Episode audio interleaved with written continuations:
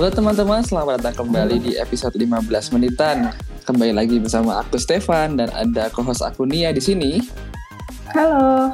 Hari ini kita kedatangan tamu spesial, seorang PhD di bidang yang hmm, cukup menggiurkan nih kalau kita dengar-dengar bidangnya itu kuantitatif linguistik dan seorang dosen di Fakultas Ilmu Budaya UGM. Selamat datang Kak Karlina. Hai hai, ini spesial banget ya pakai telur karetnya dua. Hai, udah mulai garing dari awal. Aduh, sorry sorry. Baru mulai loh kak. Baru mulai loh. Assalamualaikum, permisi. Ya, halo teman-teman pendengar podcast 15 menitan. Nice to meet you all. Nice to meet you Kak Karlina. Terima kasih sudah menyempatkan waktunya di sini. Hmm, sip, Nah, sip, sama-sama. Nah, kita tuh ingin ngebahas soal perjalanan Kak Karlina nih sampai sedip ini involvementnya Kak Karlina ke dunia linguistik. Jadi kalau kita lihat dari CV-nya ini sangat menakjubkan ya dari S1 di bidang linguistik, S2 di bidang S1 sastra Inggris, S2 linguistik dan juga akhirnya mendalami PhD di bidang linguistik. Apakah itu sesuatu yang Kak Karlina pelajari dari dulu? Apakah itu emang sudah menjadi target Kak Karlina sejak waktu masih kecil kah untuk belajar bidang bahasa? Wow, kalau dari kecil sih sebenarnya targetku tuh layaknya eh, anak-anak kecil pada umumnya ya, jadi dokter. Oh. Itu kan udah kayak cita-cita anak-anak kecil yang pada umumnya mau jadi apa? Jadi presiden, jadi dokter gitu. Cuman em, aku baru sadar kalau aku tuh suka banget sama bahasa itu sejak SMA. Yang adalah SMA mana, Mbak Nia? SMA kita Mada. bersama ya. Yeay! Oh, Mada. Jogja, iya benar. Jadi aku di SMA 2 Jogja, aku tuh sadar kalau aku tuh suka sama bahasa. Dan itu waktu itu aku kelas 2 SMA karena aku tahu pastinya bidangku tuh bukan bidang yang matematika, kimia gitu tuh bukan ataupun fisika karena aku ngerasa eh, agak deg-degan gitu kalau ketemu sama angka. Terus aku juga ngerasa bidangku tuh bukan IPS karena kalau ketemu neraca di akuntansi itu nggak pernah balance. I don't know why gitu. So ini gimana ceritanya sih kok neraca nggak pernah balance gitu kan? Akhirnya aku ngeh kalau aku tuh suka sama bahasa. Sayangnya waktu SMA itu nggak ada mata mata penjurusan, nggak ada penjurusan kelas bahasa gitu. Jadi aku S1 yang ngambil sastra Inggris em, untuk sastra di semester 5 sastra Inggris di Sanata Dharma Jogja itu tuh ada penjurusan antara linguistik atau sastra. Waktu itu pertimbanganku kenapa pilih linguistik adalah karena aku tuh suka yang pasti-pasti.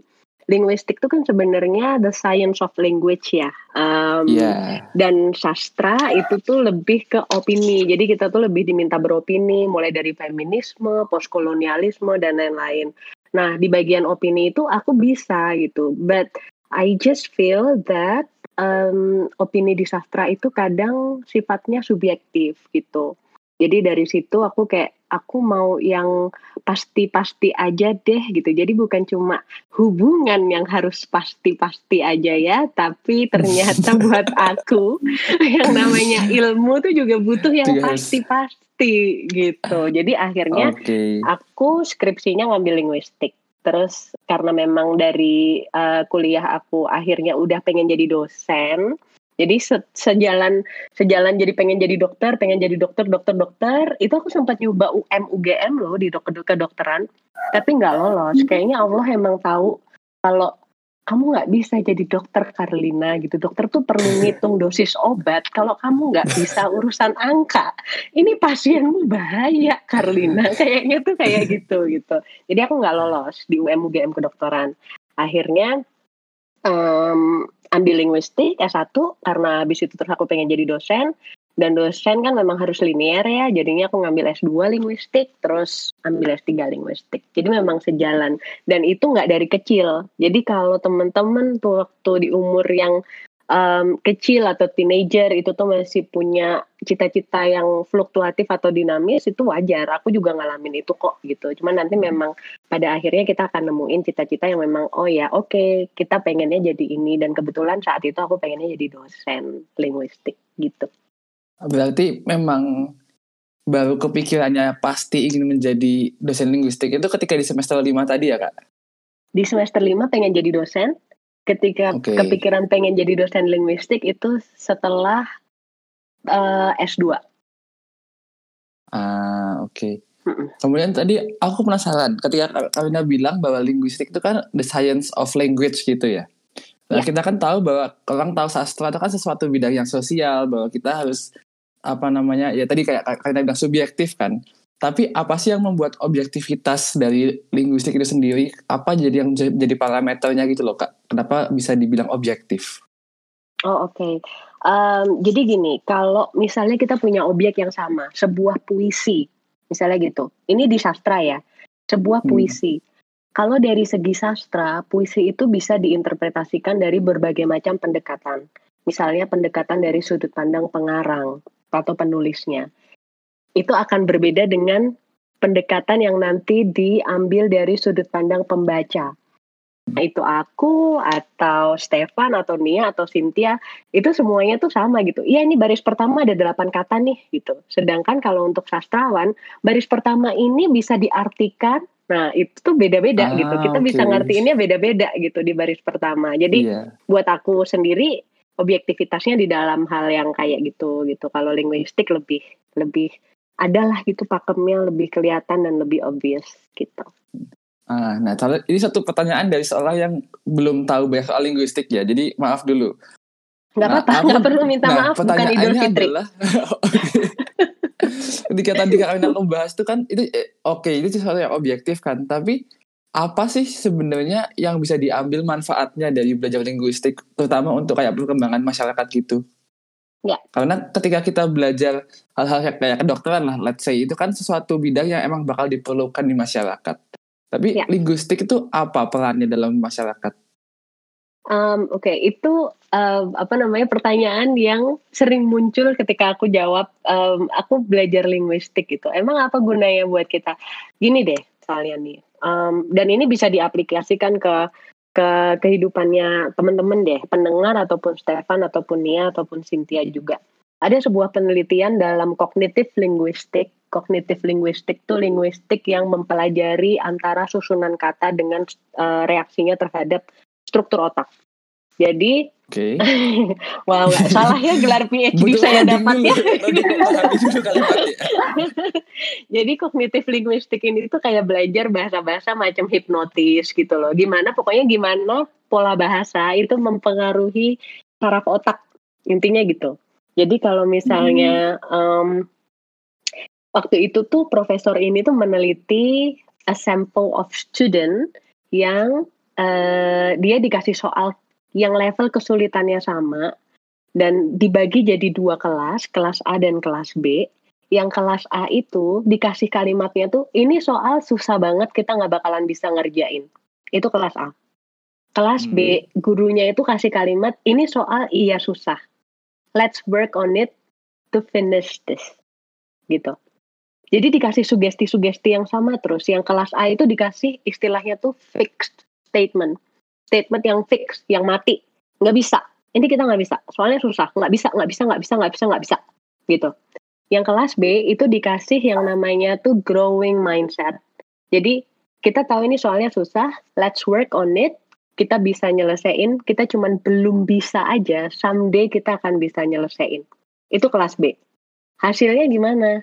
Hasilnya kelas A memang iya ya udah gitu Em, nggak bisa nyelesain while kelas B percikan-percikan otak kreativitas itu tuh mulai muncul gitu jadi kan diteliti tuh pakai namanya tuh alatnya tuh em, adalah pokoknya kita tuh dikasih kebayang nggak sih em, kepala Apa kita tuh? dikasih tempelan-tempelan untuk diteliti Oh, sinyal otaknya gitu dengan ya? kalimat-kalimatnya gitu heeh.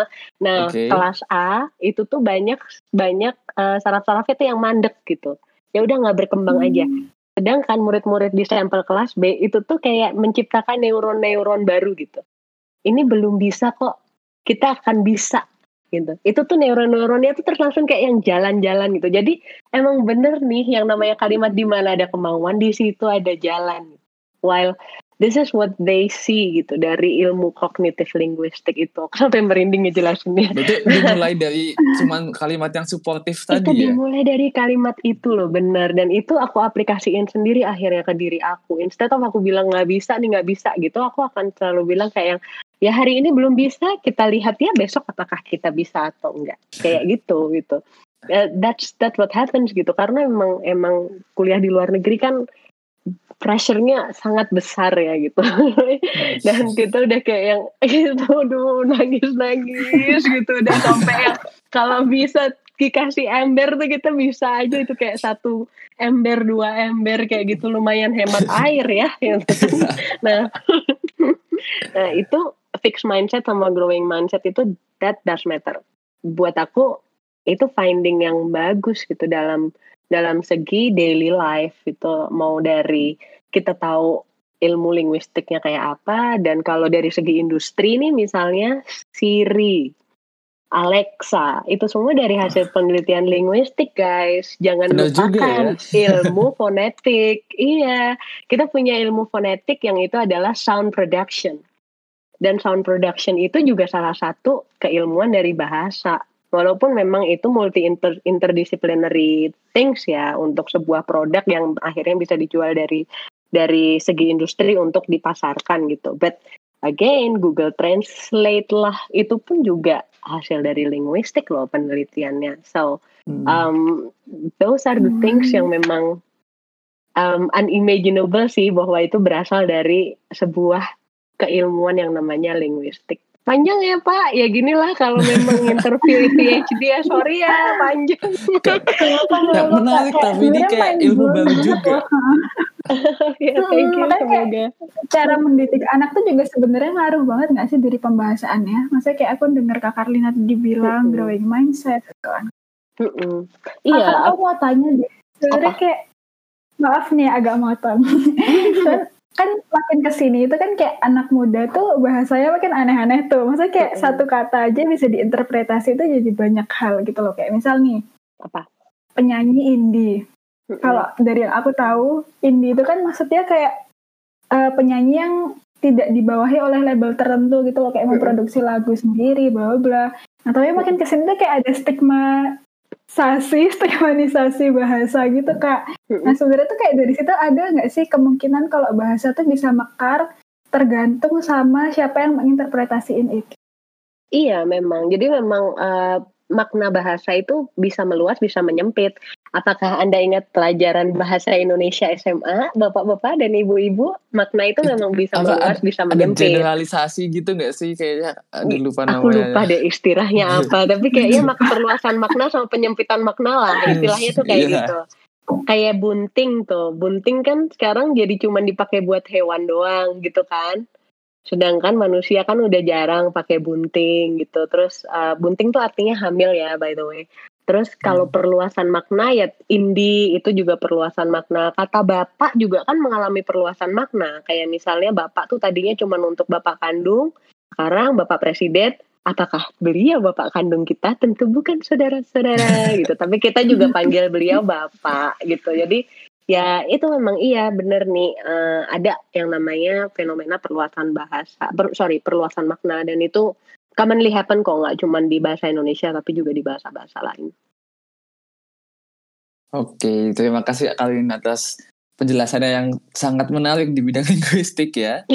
Dan semoga paham ya paham dan yang jelas yang kita Sangat bisa ambil adalah bahwa kata-kata dan mindset kita sehari-hari itu sangat akan berefek terhadap performa kita ya tentunya kayak tadi Kak Kalina bilang.